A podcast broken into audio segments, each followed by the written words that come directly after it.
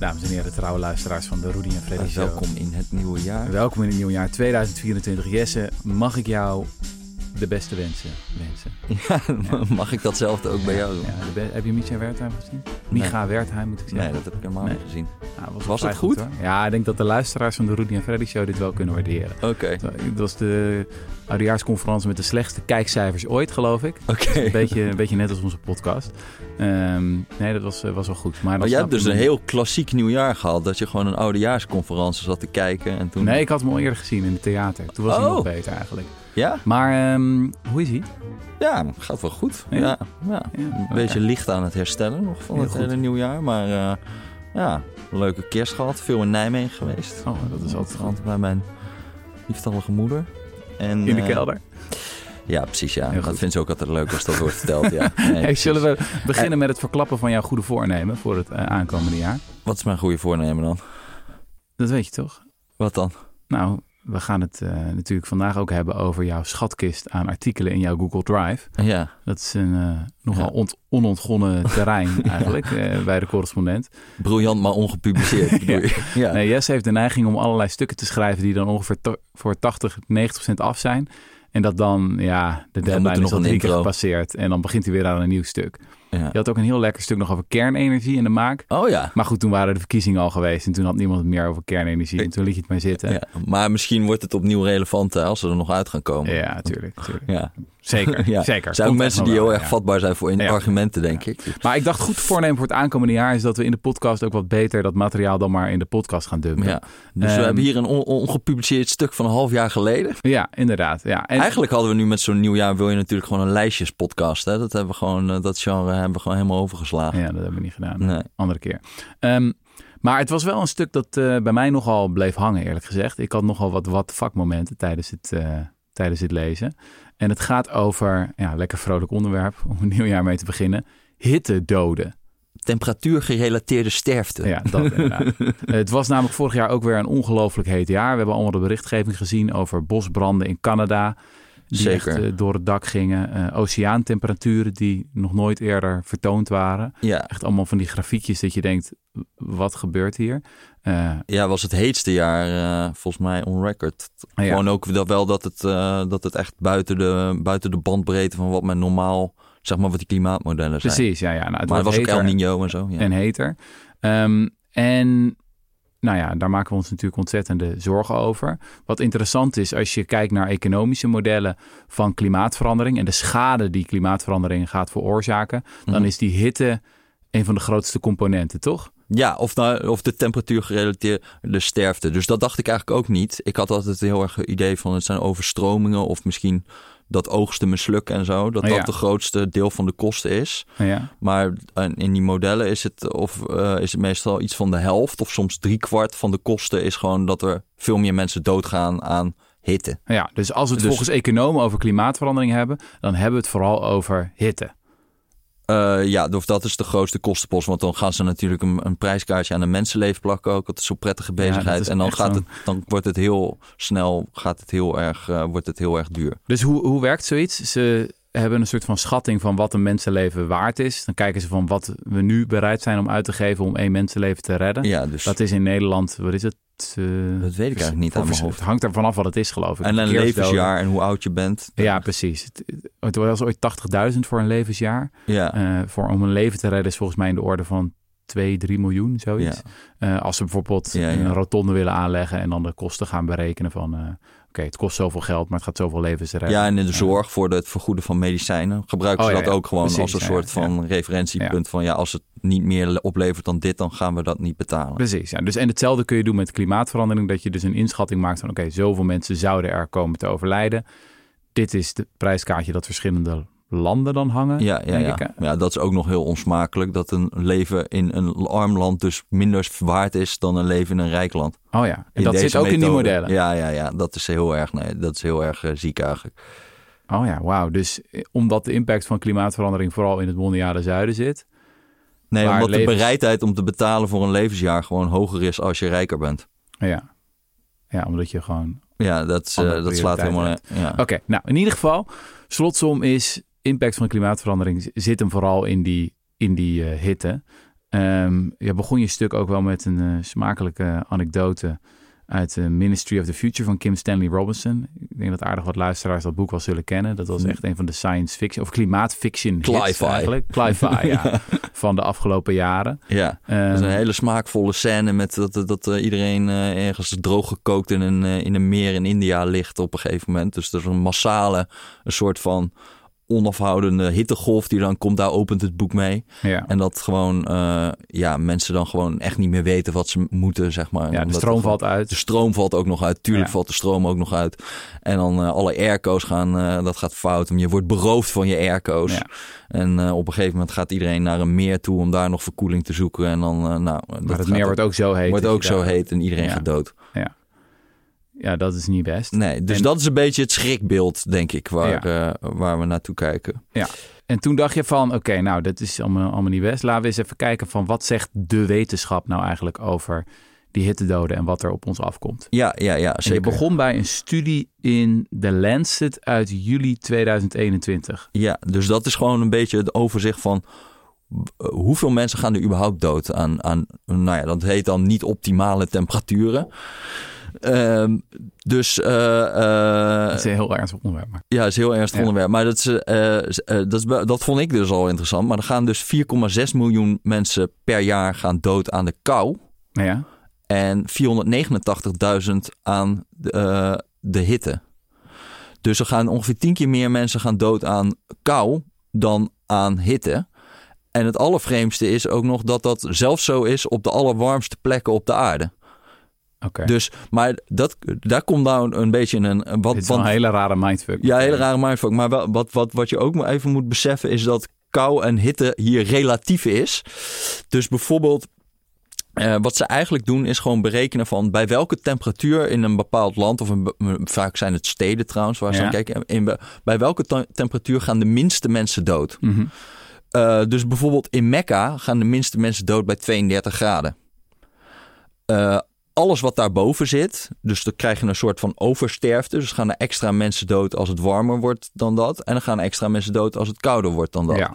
Maar dan heet dus in Mekka, heet kou gerelateerde sterfte, heet alles onder 32 graden. Ja, ja, ja. maar ja, dat is natuurlijk niet echt wat ik zou zeggen koud. Of wat wij koud zouden doen. Ja. Maar het is een, gewoon een relatief Ja. getal, zeg maar. Wat zijn Ja, dus kou gerelateerde je kijkt gewoon naar de spreadsheet, naar de database. eh, en je weet dus niet precies hoe ze dan zijn overleden aan die hitte of aan die kou. Ja. Maar je ziet gewoon het statistische Er is effect. oversterfte. Er is oversterfte, ja. Ja, dus je, want, want de, het is een soort van het aantal gevallen van echt hele evidente eh temperatuurgerelateerde sterfte. Ja, dan gaan er nou. Het is nou niet dat er over, altijd een soort van postmortem ligt van eh, dood want koud. Het Ja, was niet. Het is niet van dat heel veel mensen bevriezen Ja. of heel veel mensen, maar het is wel dat je dat je lichaam daar blijkbaar slechter tegen kan of Ja, je meer ja, ja. vatbaar Ja. raakt voor ziekte. ja, want dat heb ik inderdaad geleerd. Dus dat noemen we dan de maximale mortaliteitstemperatuur. Minimale Ja, mortaliteitstemperatuur. dat is waar de Dus- minste mensen dat doodgaan. is waar de minste Ja. mensen En de maximale is de temperatuur waar de meeste mensen doodgaan, denk ik. Ja, dat zou dan op een gegeven moment 100 ja, dat graden zou worden. ja, 100 graden, dan is iedereen wel dood. Ja, oké. ja. Maar goed, minimaal is in ieder geval... Dat is het referentiepunt. Dus dat is Ja. in Mekka dus 32 graden En bijvoorbeeld. wat is dat in Nederland dan? Nou ja, in Amsterdam is het geloof ik 17. Oké, dat is ook al echt helemaal bizar. Ja, dat, Dat, is dat ook zo'n gigantisch verschil is. Ja, klopt. En dat, hoe komt dat, dat het verschil zo gigantisch is? Ik zou zeggen, eh, ja, mensen zijn gewoon gewend aan de hitte in Mekka. Ja, dus, dus dat, dat voor- vind ik eigenlijk nog best wel moeilijk om... eh, om er is niet echt veel eh, wat ik kon lezen, maar misschien ben ik ook een slechte zoeker over van wat zijn nou precies de, de grote factoren die, die al die verschillen nou verklaren. Want het is een enorm verschil. Dus 17 graden in Amsterdam, 32 graden in Mekka. Is dat fysiologisch? Dus als jij lang eh, daar woont, dat je je lichaam zich aanpast? Ja, ongetwijfeld een beetje. Maar het is natuurlijk ook dat bijvoorbeeld eh, de werkdag zich heel erg gaat verplaatsen naar de ochtend en de avond.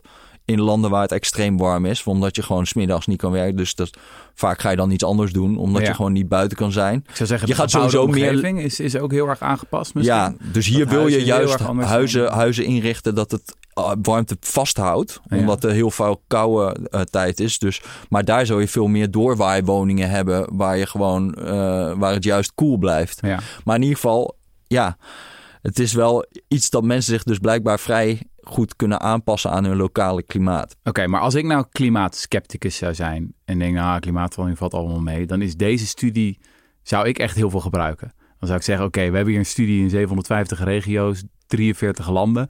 En daar blijkt gewoon uit dat er tien keer meer doden vallen aan, door kou dan door hitte. Ja. Dus global warming is gewoon helemaal niet zo erg. Nou ja, dat is dat- gewoon hartstikke goed.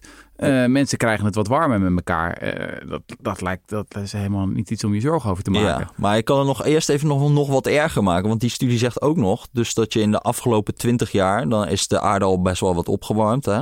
Ja. Eh, maar dat we in die tijd, dus als je kijkt van de, oké, het aantal hittegerelateerde sterfte is wat toegenomen daardoor. Ja. Maar natuurlijk ook is de kou-gerelateerde sterfte is daardoor afgenomen. ja.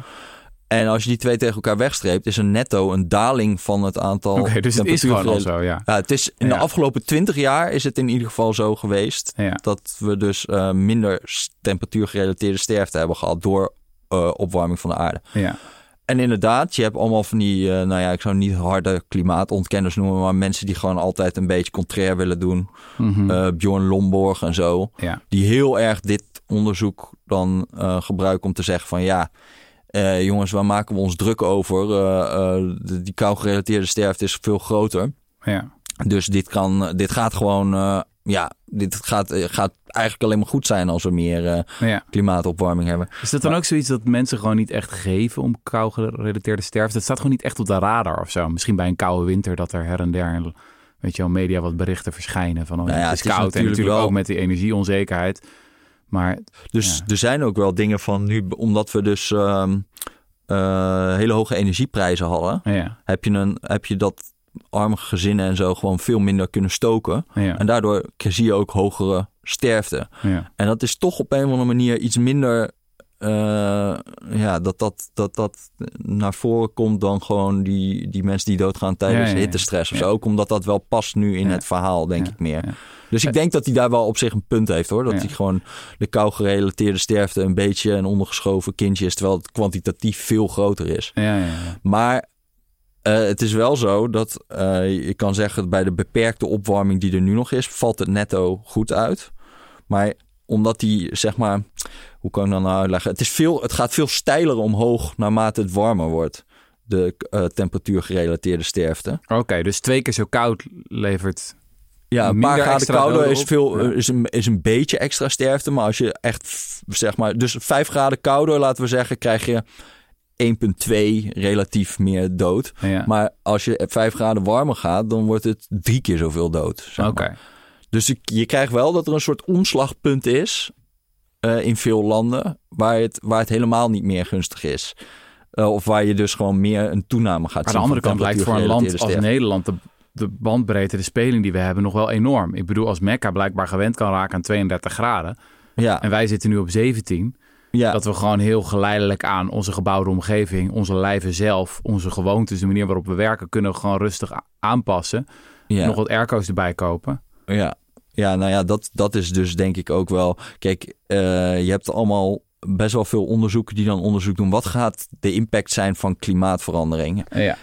En dan gaan ze bijvoorbeeld doorrekenen van... ja, wat gaat er gebeuren als we 4,5 graad opwarming krijgen op Mhm. aarde? Nou ja, dat is die studie uit 2017 van... Antonio Gasparini. Ja, en dat is eigenlijk een beetje ja. de grote epidemioloog... die al- eh, bijna al dat onderzoek doet. Ja, En eh, ja, daarbij zie je gewoon dat het wel echt enorm gaat toenemen, de temperatuurgerelateerde eh, sterfte. Alleen, de, ja, je ziet ook wel weer enorme lokale verschillen. Hè? Dus bijvoorbeeld in Noord-Europa ga je dan vijf mensen per 100.000 inwoners gaan er minder dood. Dus bij ons gaat het eigenlijk Hè? redelijk prima. Dus in Scandinavië en zo, ja, omdat we zoveel kou-gerelateerde sterfte hebben, eh, pakt het in Europa op zich nog oké maar uit. Dat is e- even hier weer stilstaan. Dus de meest vooraanstaande epidemioloog op dit punt zegt 4,5 graad, wat echt een horror scenario is. Ja. Weet je wel, we hebben natuurlijk het target van in principe anderhalf. Nou, dat gaan we waarschijnlijk niet halen, maar 2, 2,5 misschien nog wel. Mhm. Maar 4,5. ja. En dan zou in Europa zouden er Noord- minder... Noord-Europa. Noord-Europa, in ons land waar wij wonen. Ja, ik geloof wel dat het meer nog is in Scandinavië dan Nederland zit een beetje op het dat het, eh, dat het, eh, het kan vriezen, het kan door. Nee, het is gewoon een beetje op, op nul ongeveer. Maar het is vooral Scandinavië waar het best wel dramatisch Dus heel concreet, als zeg maar ouders zich nu in Nederland zorgen maken over van mijn kinderen of kleinkinderen worden gefrituurd straks in dit land. Ja, dat is echt onzin. Nou ja, ze worden ook gefrituurd, maar ze worden, gaan minder vaak dood in de winter. Dus het is netto. eh, ja, ze worden ja. minder bevroren. ja, Ja, nou dat vind ik wel ja, eh, bizar. ja, klopt. Maar wat dan wel weer le- eh, lelijk is, als je gewoon kijkt naar de rest van eh, de wereld. Dus in Zuid-Europa verwachten ze 64 per 100.000 inwoners extra die doodgaan. En in Zuidoost-Azië 81 per 100.000. Oké, dat zeg je allemaal helemaal niks natuurlijk. Ja, maar? Dus Ja. oké, even ter re- referentie. Aan, aan roken gaan elk jaar eh, 155 per 100.000 dood. Aan luchtvervuiling 85 per 100.000. En aan malaria 15,3 per 100.000 aardbewoners. Dus eh, zeg, wat je dan in, wat je in Zuid-Europa aan extra temperatuurgerelateerde sterfte zou hebben, is vier keer malaria van wereldwijd. Oké, Dat is wel echt veel. dat is wel slecht. Ja, dat is Ja. echt, echt en hoe groot is heel ten opzichte van roken bijvoorbeeld? Wat zijn? Eh, ja, nog geen een derde, want roken is gewoon een takkengroot eh, probleem. Dus 155,9 per 100.000 gaan eh, dood aan, oh ja. Ja, aan roken. Ja, dat goed. is echt heel erg veel. ja. Maar wat eigenlijk nog veel problematischer is, is bij dit onderzoek is... nou, ik zal twee, twee dingen zijn eigenlijk problematisch. Eén is gewoon dat je gaat rekenen met een scenario van 4,5 graad opwarming. ja. Dat heet dan RCP 8.5. Daar hebben we al eens een keer in een podcast hebben we daar al eh, aandacht aan besteed. Mhm. Dus dat is een scenario, een klimaatscenario waarin we eigenlijk extreem veel kolen gaan verbranden. Gewoon echt, we gaan de wereld gewoon bewust flamberen door gewoon steenkool te stoken tot, eh, tot de laatste kool, zeg maar. Auto's op kolen. Auto's zelfs op kolen. Ja, Ja. We, gaan, eh, we gaan kolen gaan we vloeibaar persen om er vliegtuigen mee te vliegen en boten mee te, Ja. aan te drijven en eh, auto's te rijden op bruinkool. ja, en heel vreemd, dit scenario werd lange tijd business as usual genoemd. Nog- Dus, dus veel, of nog steeds. Dus veel journalisten nemen dat ook over van dat dit het scenario is waarin we niks doen aan Ja. klimaatverandering. Gewoon doorgaan op de huidige weg. Ja, Terwijl dat is echt niet zo. Dit is eigenlijk een scenario waarin we actieve bruine industriepolitiek gaan bedrijven. Om gewoon echt ons best te gaan doen om de planeet nog meer op te warmen. ja, ja. ja. Dus, En wat helemaal niet aan het gebeuren is, want ook als we geen klimaatbeleid hebben, dan zie je nu natuurlijk al dat zonne-energie heel hard gaat. Windenergie, nou, is een beetje in de problemen, maar is ja. ook een grote vooruitgang geboekt de afgelopen decennia. Ja, dus en elektrische auto's. Eh, Ik bedoel, niemand is fabrieken aan het bouwen om bruinkool vloeibaar Ja. te gaan persen om daar auto's op te gaan Ja, rijden. ja. Ik bedoel, dat is absoluut niet de wereld waarin we leven. Het is niet business as usual. Je zou tegen de soort van economische krachten in kolen moeten willen verbranden. Wil je die kant op gaan? Het is Dus niet om- zo dat 4,5 graden helemaal uitgesloten is, toch? Het zou nog wel op andere manieren kunnen, met gewoon eh, tipping points eh, die allemaal de verkeerde kant op vallen. Ja, maar dat is dat. Dat, daar wordt dan wel vaak eh, wordt dan dit scenario gebruikt. Dan zeggen ze ja, oké, het is wel heel onrealistisch geworden. Maar en dan een beetje handgewapper over de permafrost. En misschien dat daar dan eh, methaan uitlekt en zo. Maar dat ook daarmee kom je echt niet. Als, dus als stel dat je zeg maar eh, ehm, gewoon aan een soort van 2 graden scenario een uitstoot zou hebben. Dan kom je nooit op dat die permafrost eh, dat dat op 4,5 graden zou komen. Dan Hmm. zit je nog. Dat, dat is gewoon heel, heel, heel, heel onwaarschijnlijk. Maar ja, En, eh, maar ja, dus, dus, dus nu bijvoorbeeld, wat zij, waar zij van uitgaan, we zitten nu op iets van dat we per aardbewoner 5500 kilowatt aan eh, uur aan kolen per jaar verstoken. En zij Ja. gaan dan vanuit dat dat naar 30.000 kilowattuur per aardbewoner gaat in 2100. oké. Terwijl we nu eigenlijk al zien dat dat enorm aan het afnemen is. Oké, maar wat gebeurt er dan in dat model van eh, Gasparini als je kijkt naar de iets waarschijnlijkere scenario's? Dus laten we zeggen 2 graden opwarming of misschien 3 graden opwarming Ja, eh, in deze eeuw. Wat, wat, wat hebben we dan voor eh, temperatuursterfte wereldwijd? ja eh, dan moet ik heel eerlijk zeggen dat ik dat niet paraat heb. Maar je kan ervan uitgaan dat het aanzienlijk minder eh, spectaculair is. Nou, dat is heel goed nieuws, want ik heb het wel paraat. Oh, kijk. Ja, zeker. Wat heb ik hier? Zal bij een 2 graden scenario de sterfte gelijk blijven of zelfs afnemen. En in een Wereldwijd. 2,7 graden scenario zal de temperatuursterfte een ietsiepietsie toenemen.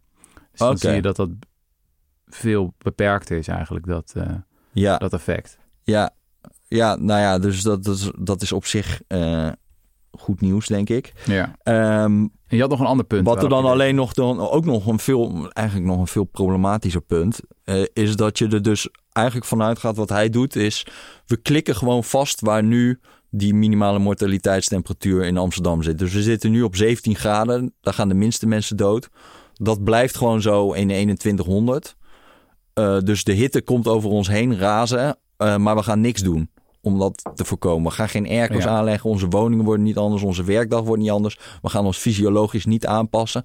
Alles blijft gewoon zoals het nu is. We zijn als de kikker die wordt gekookt. Ja, ja, ja. ja wat trouwens ook niet zo schijnt te zijn. Die schijnt er gewoon uit te springen. Ja? ja ook, ook dat heeft dat ooit een keer getest. Och, ja. Een hele vrede bank. Die hebben inderdaad gewoon een kikker zitten koken. Maar die bleek eruit te Oké, okay, nou dan ga, ga je dan. Ja.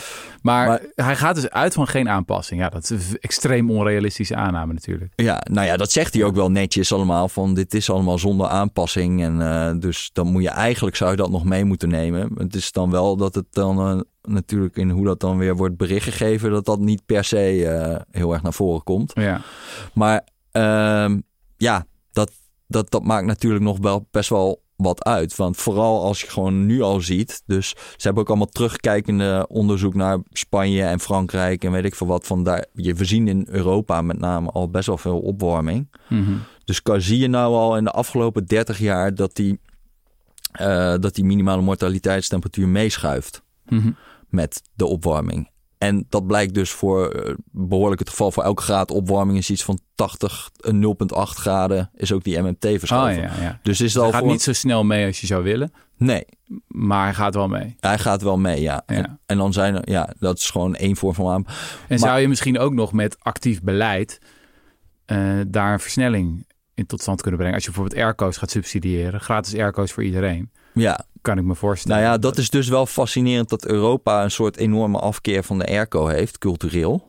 Ja, dat draagt bij ook aan klimaatverandering. Het is natuurlijk ook een beetje het symbool van... aan de ene kant frituren we de planeet... en aan de andere kant hang je dan zo'n dure unit op... die ja. weer energie gebruikt. Ja, ja, ja. En het, ja. Ik denk dat voor heel veel, zeker mensen uit onze bubbel... zal het als een zeer zondig apparaat worden gezien. Ja, maar ja, dit is wel, het is wel dat het gewoon uh, opvalt... dat als je in uh, landen die een beetje... of in plekken zoals we in, in Amerika... is het bijvoorbeeld echt ik geloof 95% heeft airco van die huizen in Texas. 95%?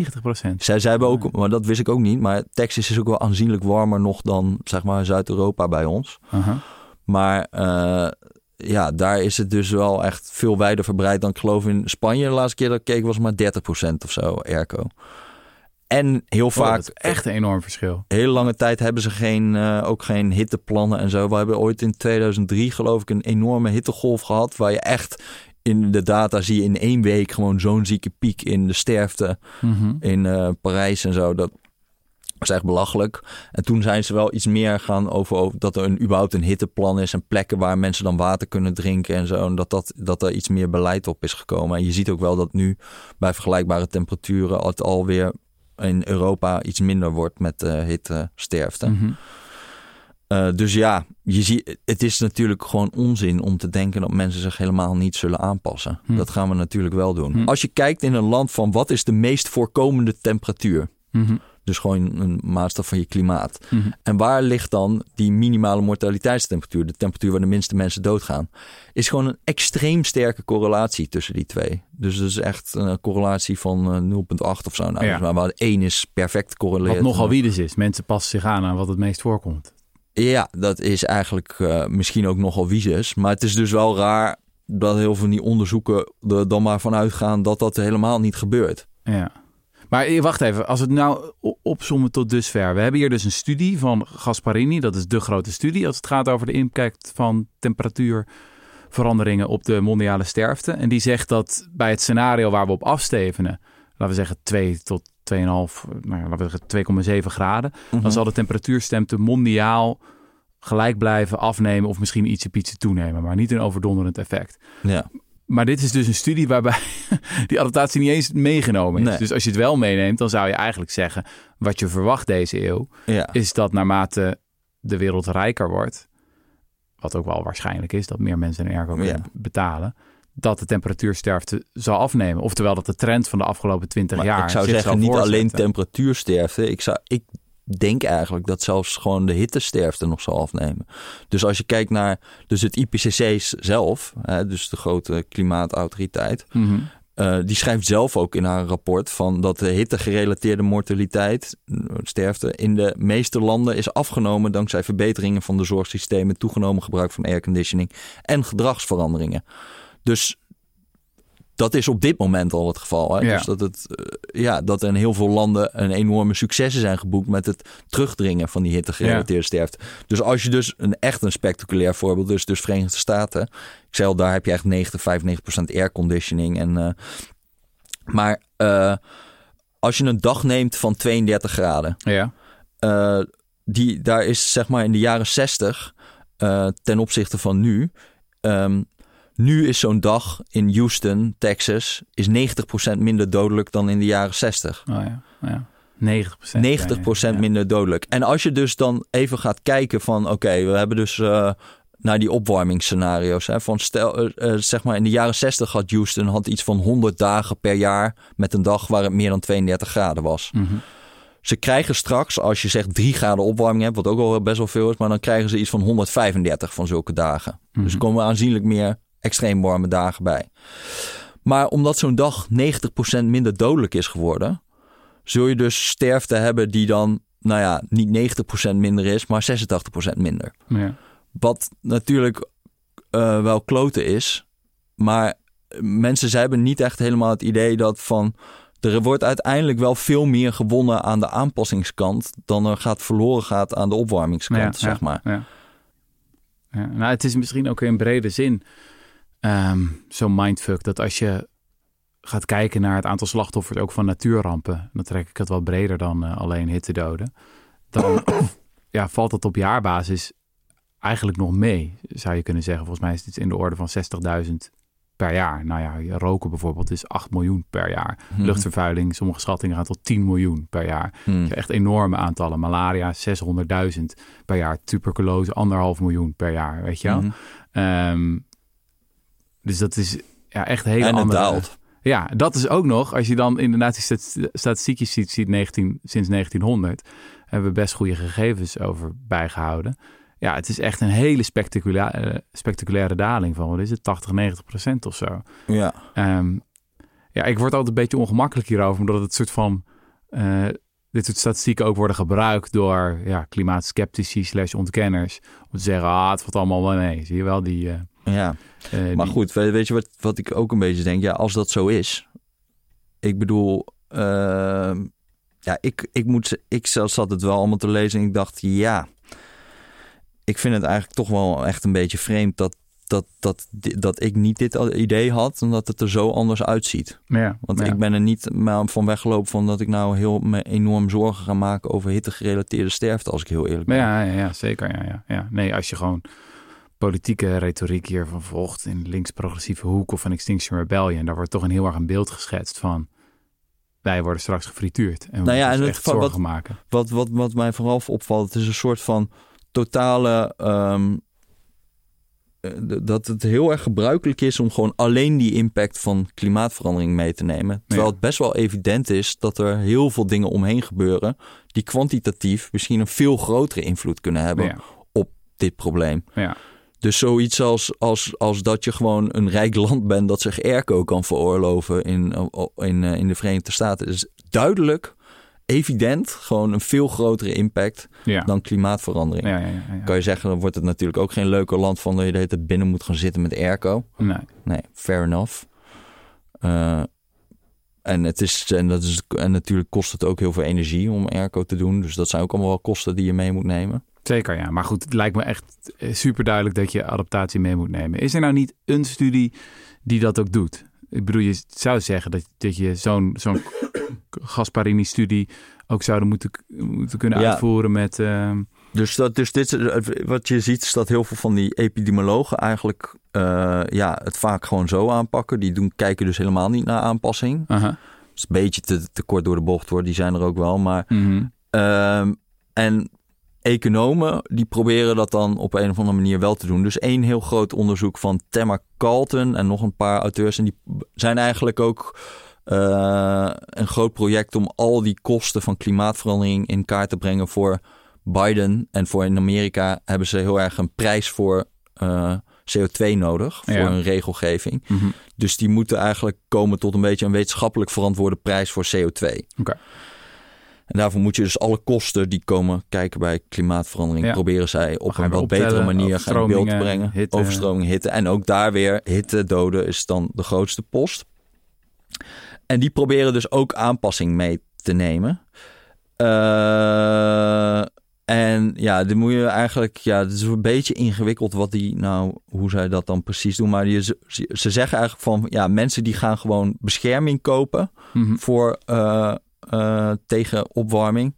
Tot het punt waarop de baten, dus dat ze in gewonnen levensjaren, kleiner zijn dan de kosten. Dus dat zijn de uitgaven aan airco of beschermende technologie in ieder geval. Oké. En dat verschilt dus weer tussen landen. Want zij hebben dan eerst een schatting per land van wat een levensjaar waard is. Ja, Waar dus, ze vanuit gaan wat mensen willen ja, uitgeven. dus dat is heel erg BBP per capita gerelateerd. Dus in een arm land, eh, ja, daar is een gewonnen levensjaar of een levensjaar is gewoon minder waard.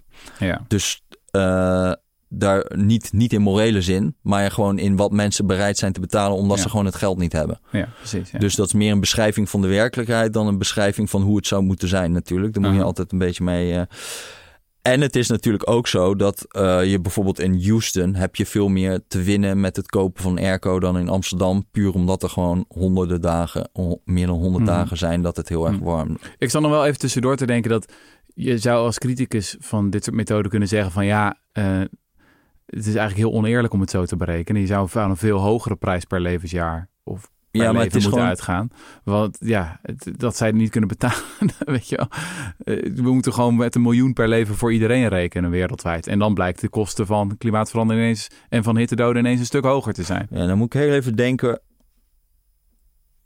De, ja, maar dit is niet een, een, een soort van beschrijving van wat het zou moeten zijn. Het is gewoon hoe mensen eh, aanpassing doen. Nou ja, Dus het is meer descriptief van wat, welke keuzes maken mensen als zij een airco kopen. mhm. En, voor, en in haar beschrijving is dat dat ze gewoon dat één relevante factor. Ja, dat is dus eigenlijk wat, hoe rijk is een land überhaupt. ja, ja. Dat wordt dan hier via een, de waarde van een levensjaar eigenlijk gedefinieerd. Maar Ja. het, is, het is natuurlijk wel empirisch zo dat het niet zo is dat ze in, in, in Pakistan of zo 10.000 euro even gaan investeren in een airco-systeem. Ja, ja, ja. Omdat ze gewoon armer zijn. Misschien is Dus het als een, als een we- beschrijving klopt het, als Ja. een morele kwestie klopt het natuurlijk totaal niet. Misschien is het punt hier ook dat we gewoon überhaupt in een extreem ongelijke en onrechtvaardige wereld leven. En Ja. dat is niet ineens anders door klimaatverandering of door hittedoden. Ja. Het is gewoon überhaupt heel onrechtvaardig.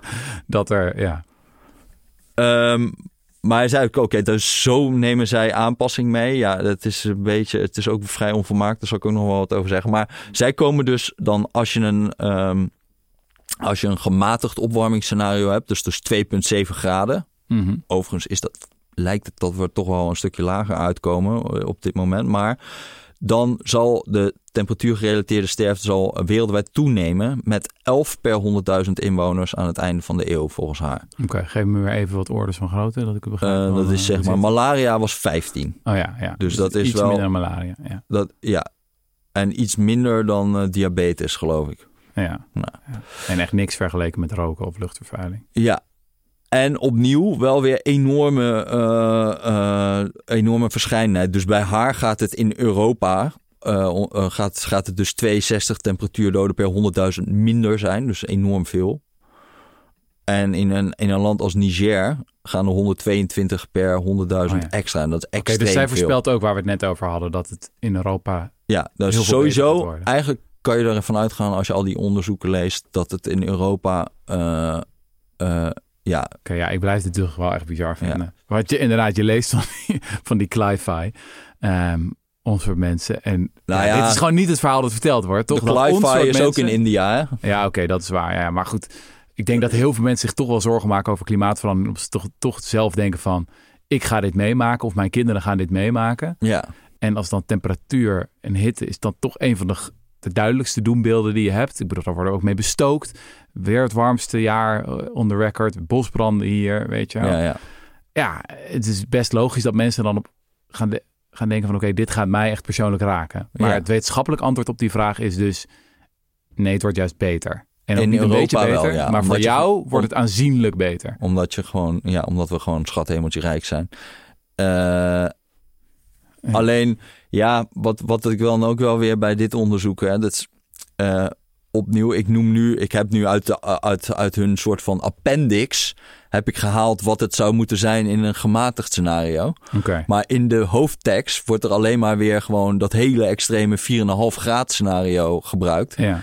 En om het eigenlijk nog wat kwalijker te maken, wat ze ook nog eens doen. Um, Oké, een beetje ingewikkeld. Maar je hebt, uh, je hebt dus aan de ene kant gewoon hoeveel graden gaat het uh, worden. Maar je hebt daaronder zit ook nog een soort van socio-economisch scenario van hoeveel groei komt er op de wereld. Mm -hmm. Dus uh, hoeveel economische groei gaat er zijn. Nou is in het normaal in het scenario dat je 4,5 graden opwarming krijgt, heb je ook extreem hoge economische groei. Mm -hmm. Dus echt, ik geloof, de, de wereld wordt tien keer zo rijk. Dus India wordt nog anderhalf keer rijker dan Nederland nu, zeg maar, in de 2100 Mhm. in dat scenario. Mhm. Wat, ja. Eh, en dat doen we dan door heel veel fossiele brandstoffen te verbranden. Zo worden we rijker. Mhm. Maar wat zij hebben gedoen, gedaan, is een soort rare hybride scenario gemaakt. Waarin ze het laagste groeiscenario hebben genomen. Met het hoogste emissiescenario. Maar die twee dingen zijn helemaal niet consistent met elkaar. Want je, komt, je kan helemaal niet zoveel, eh, eh, zeg maar, zoveel kolen verbranden en zo. Als je niet extreem hoge groei zou hebben. Oh ja. Ja, ze gaan gewoon niet samen. Je kan Nee, ze gaan ook helemaal niet samen. En Nee. die auteurs, de mensen die die scenario's hebben gemaakt, hebben ook honderdduizend keer al uitgelegd dat je dit niet moet doen. Maar dat wordt dan toch gewoon gedaan. En ja, omdat hun model dus ook heel erg afhankelijk is van wat de economische groei gaat zijn. Mhm. eh, omdat dat een hele relevante factor is voor hoeveel aanpassingen gaat zijn. Mhm. Krijg je gewoon hele extreme uitkomsten die daaruit komen. Ja, Logischerwijs. ja. En ja, Ja, dat mes van economische groei snijdt dus echt aan twee kanten. Aan de ene kant krijg je inderdaad meer opwarming ervan, meer uitstoot Ja. in principe. Ehm, ja, een deel zal groene groei zijn, maar in principe kan je ervan uitgaan dat er dan ook meer fossiele brandstoffen worden verbrand. ja. Maar aan de andere kant krijg je meer aanpassing.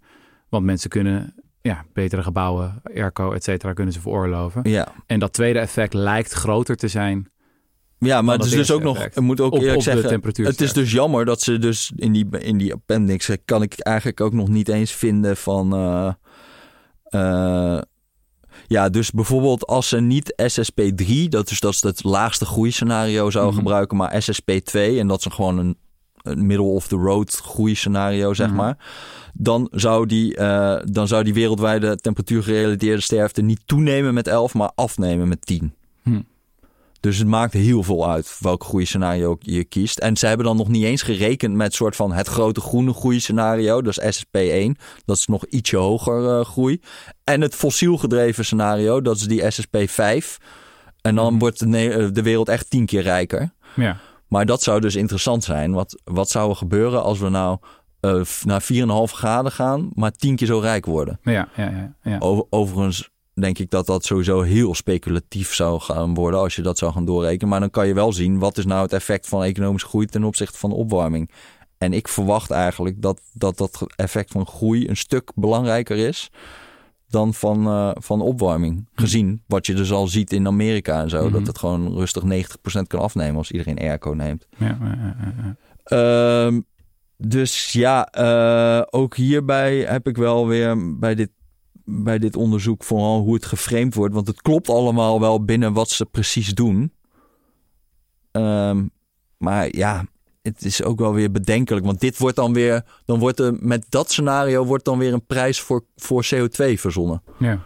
En dat is voor Biden en voor, die, voor, die, voor hun gebruiken zij dan zeg maar de allerhoogste voorspellingen van eh, eh, temperatuurgerelateerde sterfte op basis van iets wat echt heel onwaarschijnlijk ja, is. Ja, en die neiging zie je toch sowieso wel vaak in dit soort studies. Is dat het ja, toch ook voor de abstract van je paper is het toch het lekkerste om uit te gaan van het allerhoogste ernstigste scenario. Ja, Want dat genereert de krantenkoppen. nou ja, en het is, en het is wel, ja, het spijt me dit te zeggen, maar het is eigenlijk echt wel, echt wel, wat mij betreft, best wel zorgelijk hoe groot die, eh, al die impact-studies gaan bijna allemaal gaan ze vergelijken.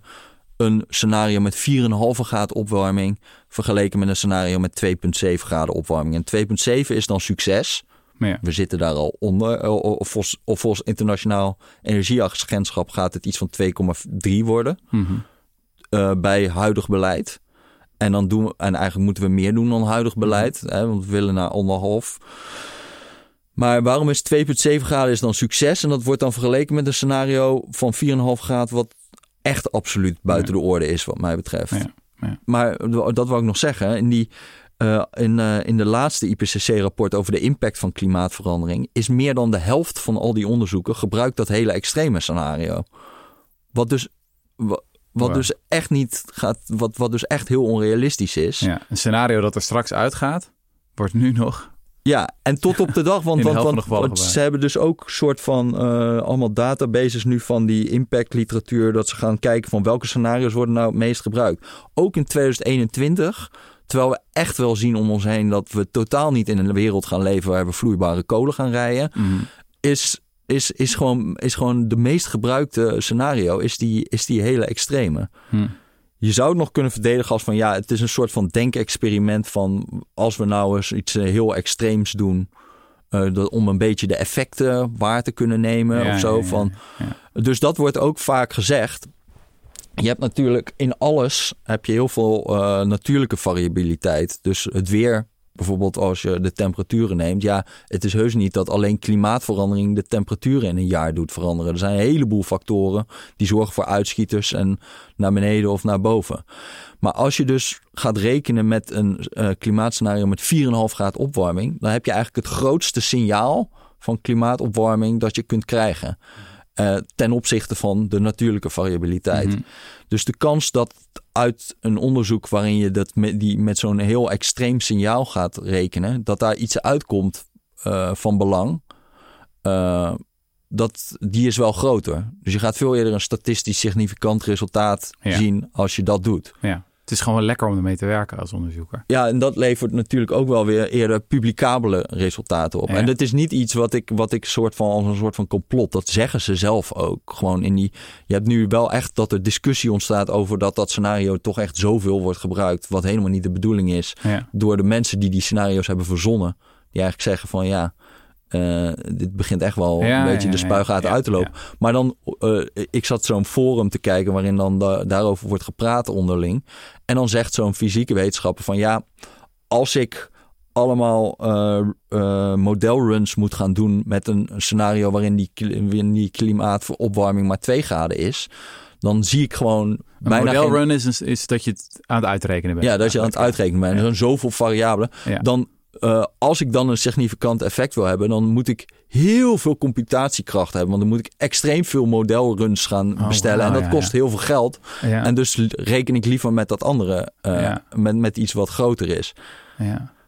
Nou wordt computatiekracht goedkoper, dus eh, wat dat betreft is er goed nieuws. Maar Ja. het is wel een beetje, het is een beetje de omgekeerde wereld wat mij betreft. En het is ook wel, ja, het is ook niet zo dat van, want, want je, zou, je zou het ook nog kunnen verdedigen van stel dat je 4,5 graden opwarming krijgt dan, en je doet iets met 2 graden, dan is het gewoon een lineair verband tussen de effecten of hoe erg het gaat worden met Mhm. pingwings en gletsjers en eh hittedoden. Mhm. Eh, ja, dan, dat, dat neemt gewoon lineair toe. Van als het 3 graden is, dan weet je het ook wel ongeveer als Ja. je 4,5 hebt uitgerekend of zo. Ja. Maar dat is natuurlijk niet zo. Ja. Want, het, want het kan in één keer veel erger worden bij 4,5 graden. Het zijn allemaal soort van tipping points, ja. niet dus ik ga nog lineaire even proberen samen te vatten. Om hele kleine statistische effecten te vinden heb je heel veel computer- en rekenkracht nodig. Ja, Ehm, en dat zou het geval zijn bij een meer gematigd scenario. En dan denken die onderzoekers, weet je wat, we gaan uit van een extremer scenario. ja, Want dan, dan kunnen we in ieder geval het effect waarnemen. Ja. En dat is eigenlijk ook vooral... en dan kunnen we daarna wel weer terugrekenen naar eh, wat het zou zijn geweest in een gematigd scenario. Nou, maar dat doen ze niet. Maar dat is dan nog wat je zou kunnen zeggen als verdediging. Van ja, als je weet dat bij 4,5 graden zoveel is en bij 2 graden minder, dan zal het bij 3 graden ook wel veel zijn of zo. Maar ja, dat wordt dan vaak niet. Ja. Maar het is eigenlijk, ja, ik bedoel, wat ben je dan als wetenschap? eh, klopt het allemaal wel binnen wat je aan het doen bent Ja. of zo? Maar het is niet heel erg beleidsrelevant Ja. als we weten dat we toch niet naar een Ik wereld vind gaan. wel, de optelsom is wel ongemakkelijk. Ik bedoel, één, tien keer zoveel koude doden als hittedoden. Eh twee, adaptatie wordt niet meegenomen. Nee. Eh, en aanpassing naar een andere minimale mortaliteitstemperatuur zit er gewoon niet in. Drie, er wordt uitgegaan van onrealistische uitstootmodellen en opwarmingsscenario's. Eh, Ja, nou ja, en, en ik moet Het zeggen, wat. ik vind het allemaal niet heel zelfcorrigerend eruit zien ook. nee. Dus één probleem is wel. ehm, ja, nou ja, goed. Ze gaan nu wel en uiteindelijk iets doen aan dat gebruik van dat hele onrealistische model. Mhm. Maar ja, en dat komt ook wel van intern van klimaatwetenschappers die daar kritiek op hebben. Mhm. Maar eerst komt die kritiek van een beetje ongure figuren uh, die een beetje, nou niet in een hard klimaatontkennende hoek van het bestaat niet, maar een beetje uit de hoek van tut tut tut. Het nou, ze waren vroeger echt klimaatontkenners. Ja, Bjorn Daar zijn ze van teruggekomen. Uh, omdat het toch wel heel dom was. Ja. Uh, en nu ja, is dit soort van een nieuwe ja. bastion. Dat ze met dit soort statistiekjes aan het, uh, aan het gooien zijn. Ja. En dat is, daar komt mijn ongemak ook deels vandaan. Ik ben wel benieuwd hoe jij daar naar kijkt. Ik zat een tijdje geleden zat ik het boek van Jantijn Anema en Hanna Prins... van Extinction Rebellion te lezen. je bent jong en je wil wat toekomst. We hebben ze ook uitgenodigd voor de podcast. gaan we over een paar weken doen. Uh, en nou, dat begint natuurlijk met een heel dramatisch verhaal van ook wij gaan dit allemaal nog meemaken, al die hittedoden. Um, en uh, daar kom jij op een gegeven moment ook uh, voorbij. En dan word je een beetje in de hoek van klimaatontkenners geplaatst. Of in ieder geval, ja, mensen die veel te sceptisch en, en relativerend volgens mij zijn. Was ik, volgens mij was ik te optimistisch over technologie. Ja, te optimistisch over technologie. Maar goed, je wordt in een donker hoekje gezet. Ja. Um, en ja, ik, ik, ik snap dat gevoel wel. Is dat niet het gevaar van dit verhaal? Ja, je wil natuurlijk je wil, ja, gewoon eerlijk de, de data delen en de gegevens die we hebben. Maar het, het gevoel wat je toch bij, bij hebt, is dat het misbruikt kan worden om een heel groot en urgent probleem als klimaatverandering te bagatelliseren. Ja, ja dat zou kunnen. Het kan ook zo zijn dat, dat we hierdoor een beetje dingen aan het verdringen zijn die ook heel erg belangrijk zijn. Toch? Ja.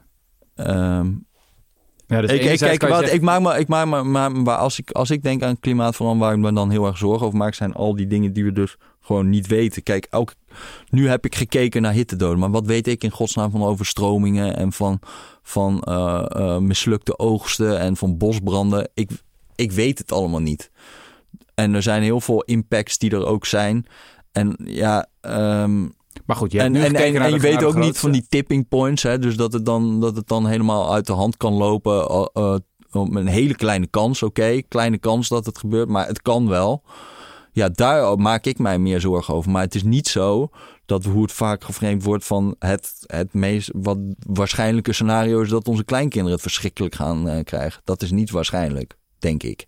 Ja dat is, het is een onwaarschijnlijk klein, uh, het is een hele kleine kans op een hele grote catastrofe. Dat zou mij meer zijn waarom ik mij zorgen zou maken. Ja, ja, ja, ja. Ik weet niet of mensen daar alleen politiek zo sterk op reageren als wanneer je zegt het gaat helemaal mis. In die zin is het net zoiets als pandemiepreventie. Um, ja. Wat heel belangrijk is, zouden we veel meer aan moeten besteden. Omdat er gewoon een hele kleine kans is dat het vreselijk misgaat. Uh, ofwel omdat er een virus ontsnapt uit een lab, ofwel omdat er in de natuur iets ontstaat door een hele zeldzame mutatie, dat we een virus krijgen dat zo besmettelijk is als de mazel en zo dodelijk als ebola. Ja, dan zijn we echt helemaal de sjaak. Mm -hmm. uh, en dat, zou een, dat is een heel sterk argument om heel veel meer te, te doen aan, aan, aan pandemiepreventie en nieuwe technologieën te ontwikkelen. Mm -hmm. um, maar dat zit hem vooral in de, wat statistici de staart noemen. Die kleine kans dat het helemaal misgaat. Ja, ja, ja. En dat blijf je erkennen dan. Ja. Ook al is gewoon het ja, verreweg het meest waarschijnlijke scenario is niet de Cly-Fi van Kim Stanley Robinson. Nee, nee, nee. nee. En, en ik zou daarbij dan ook nog willen zeggen van er zijn, uh, zijn meer van dat soort risico's dan alleen klimaatverandering. Ja, ja, dat dus vond ik als wij ons dan toch heel erg zorgen gaan maken over die, over die, over die kleine kans op grote catastrofen, dan zijn er nog wel wat kandidaten die natuurlijk ook, dus pandemieën is wel een hele grote, maar ik weet ook... Uh, antibiotica-resistentie is ook geloof ik uh, die hele gemeenschap. Artificiële intelligentie. Ja, dat, wil ik, dat ben ik dan. Uh, ja. Nou heb ik het idee dat we daar toch wel over de piek zijn. Nee, maar ik zou gewoon vooral denken de, de catastrofes waar we aan gewend zijn geraakt. Inderdaad, roken, 8 miljoen per jaar. Ja, dat is ook uh, nog. Luchtvervuiling, ja. 10 miljoen per jaar. Malaria, 600.000 per jaar. Tuberculose, anderhalf miljoen. Weet je wel, en dat zijn allemaal dingen. Uh, ja, ik, om het een beetje bot te zeggen, no one gives a shit.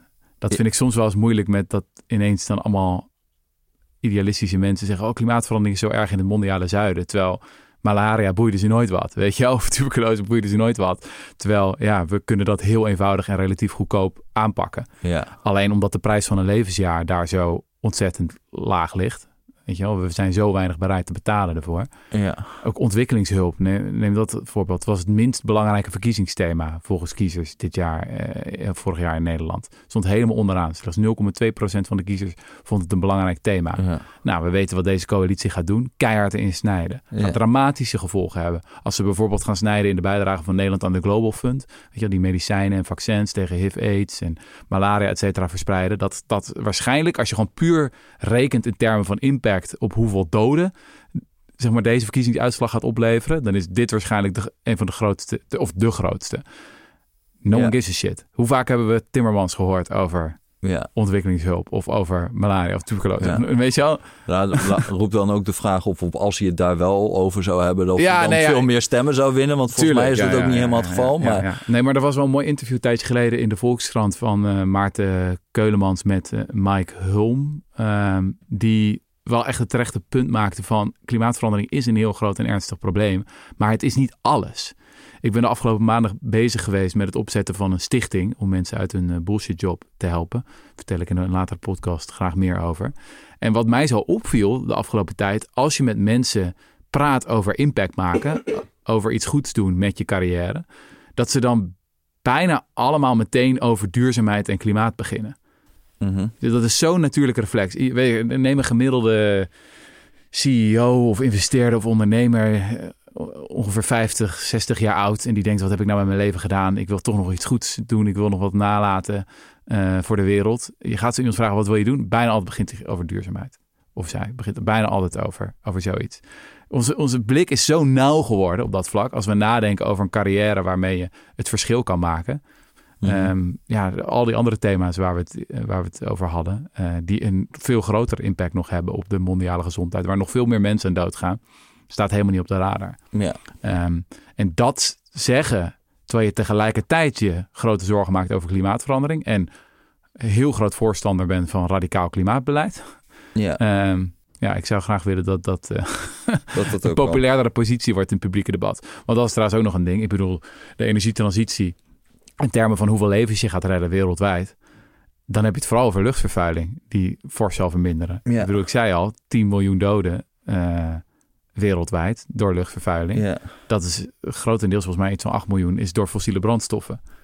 Dat is trouwens ook nog heel interessant bij al dit onderzoek. Hè?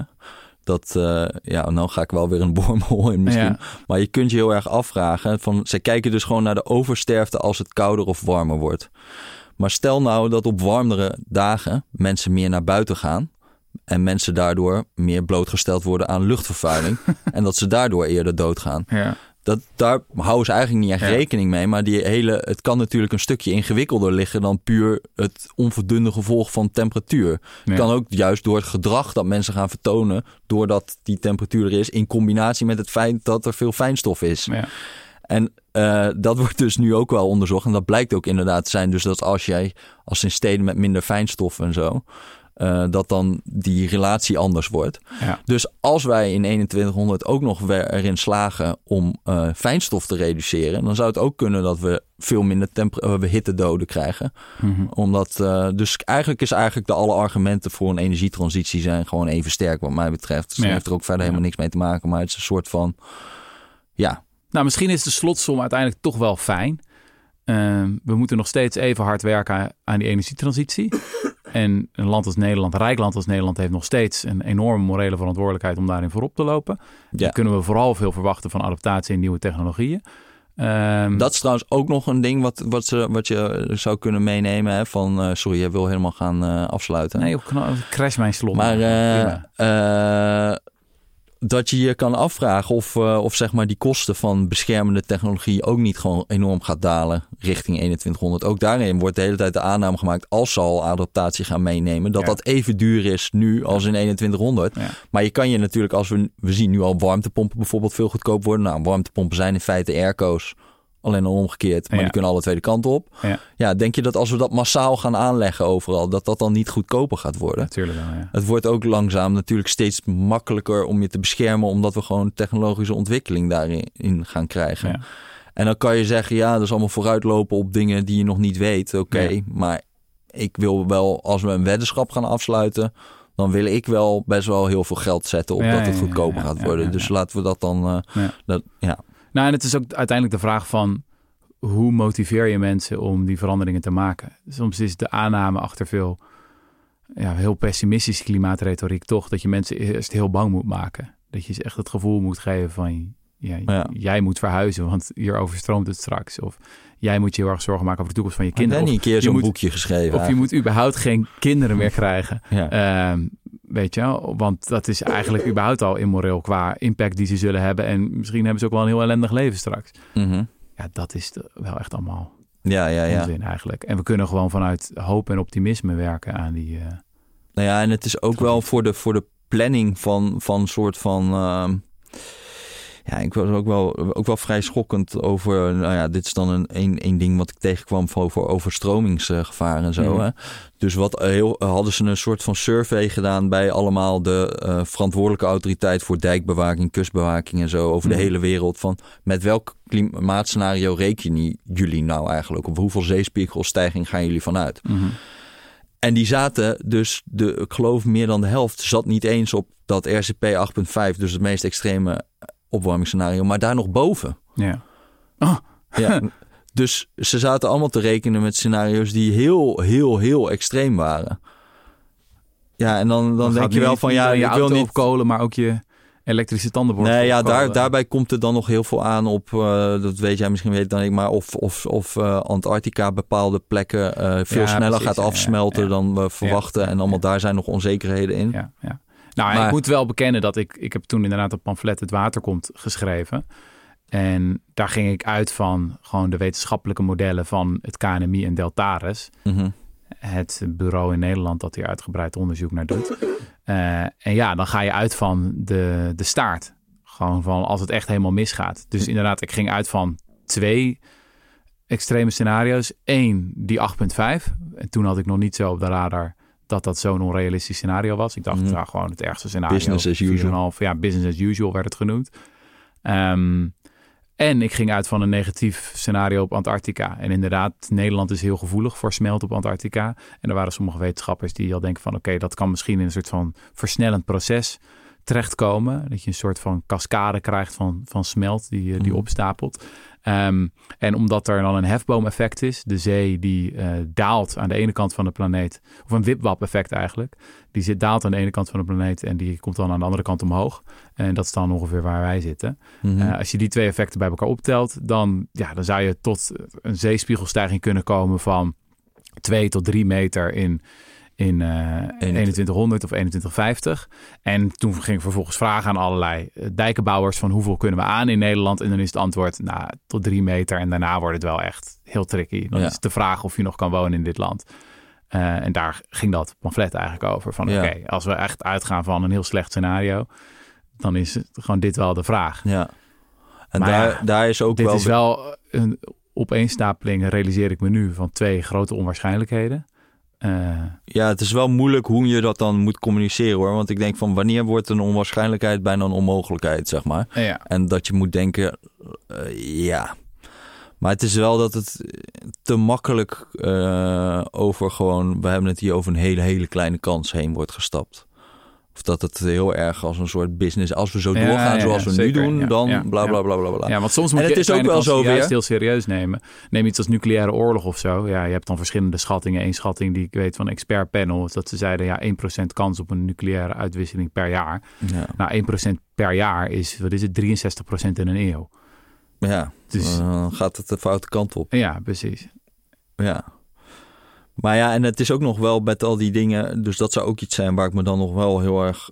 Of wel echt zorgen over maak. Van het houdt natuurlijk niet. Alles houdt een beetje op bij 2100 met al die doorrekeningen. Ja, Maar dat is natuurlijk niet zo. En ook met zeespiegelstijging gaat dat gewoon door. En dan zit je in 2300 op, ja maar weet ik veel, 6 tegelijkertijd meter of 10 meter. Maar je kan ook weer zeggen, dan weten we weer niet wat we dan allemaal kunnen. Nee, precies. dus dan krijg je ja. allemaal onzekerheden die tegen elkaar gaan werken. En, en, en, en, Maar de wereld ziet er toch totaal anders uit in 2100. Laat staan 2200. Ik bedoel, ga, ga 200 jaar terug in de tijd vanaf nu. Ja, maar je kan ook zeggen van je weet dat dus allemaal niet. Dus doe, laat, doe het een beetje voorzichtig gaan. Nou ja, sowieso goed idee. Sowieso Eigenlijk verandert het maar eigenlijk verandert het qua beleid ook inderdaad helemaal niet. Want, ik, want, want je houdt gewoon die energietransitie moeten we sowieso doen. Want Ja. het is gewoon totaal superieure technologie. En het is gewoon eh, eh, beter voor luchtvervuiling en het is beter voor het klimaat en het is gewoon beter op alle vlakken. Ja. Dus ja, We kunnen alleen niet alleen ik zou wel een beetje, maar goed, dat is een bekend punt. De, de hele degrowth vibes en zo. eh, ja, zeker als we het dan hebben over de armere landen waar, waar duidelijk groei de gro- veel grotere impact heeft op je sterftecijfers dan eh, iets aan opwarming doen bijvoorbeeld. Daar moet je echt heel erg mee uitkijken. Dus eh, Ja, ik vind het toch eigenlijk wel een hoopvol begin van het nieuwe jaar. Ja. Mooi. We gaan er weer tegenaan. Er staan een paar mooie afleveringen in de planning. Wij zijn er weer over twee weken. Met wie?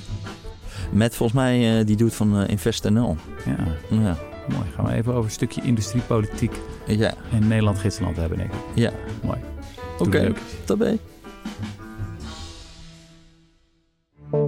Het is de missie van de correspondent om voorbij de baan van de dag te gaan. Onze correspondenten voorzien het nieuws van context en schrijven over de grote thema's van deze tijd. De correspondent geeft me de vrijheid om mijn nieuwsgierigheid te volgen en de tijd om verhalen te schrijven. En zo probeer ik onzichtbare structuren zichtbaar te maken en een andere kijk te bieden op debatten die het nieuws domineren. Dan gaat het minder over het spelletje en veel meer over wat er op het spel staat. Vanaf dag 1 zijn onze artikelen, boeken en podcasts gefinancierd door onze leden. Volg ons op onze journalistieke zoektocht. Overweeg eens lid te worden van de correspondent. En maak daarmee samen met ruim 70.000 anderen onze onafhankelijke journalistiek mogelijk. Dus word lid van de correspondent. Ja, Word lid. Word lid.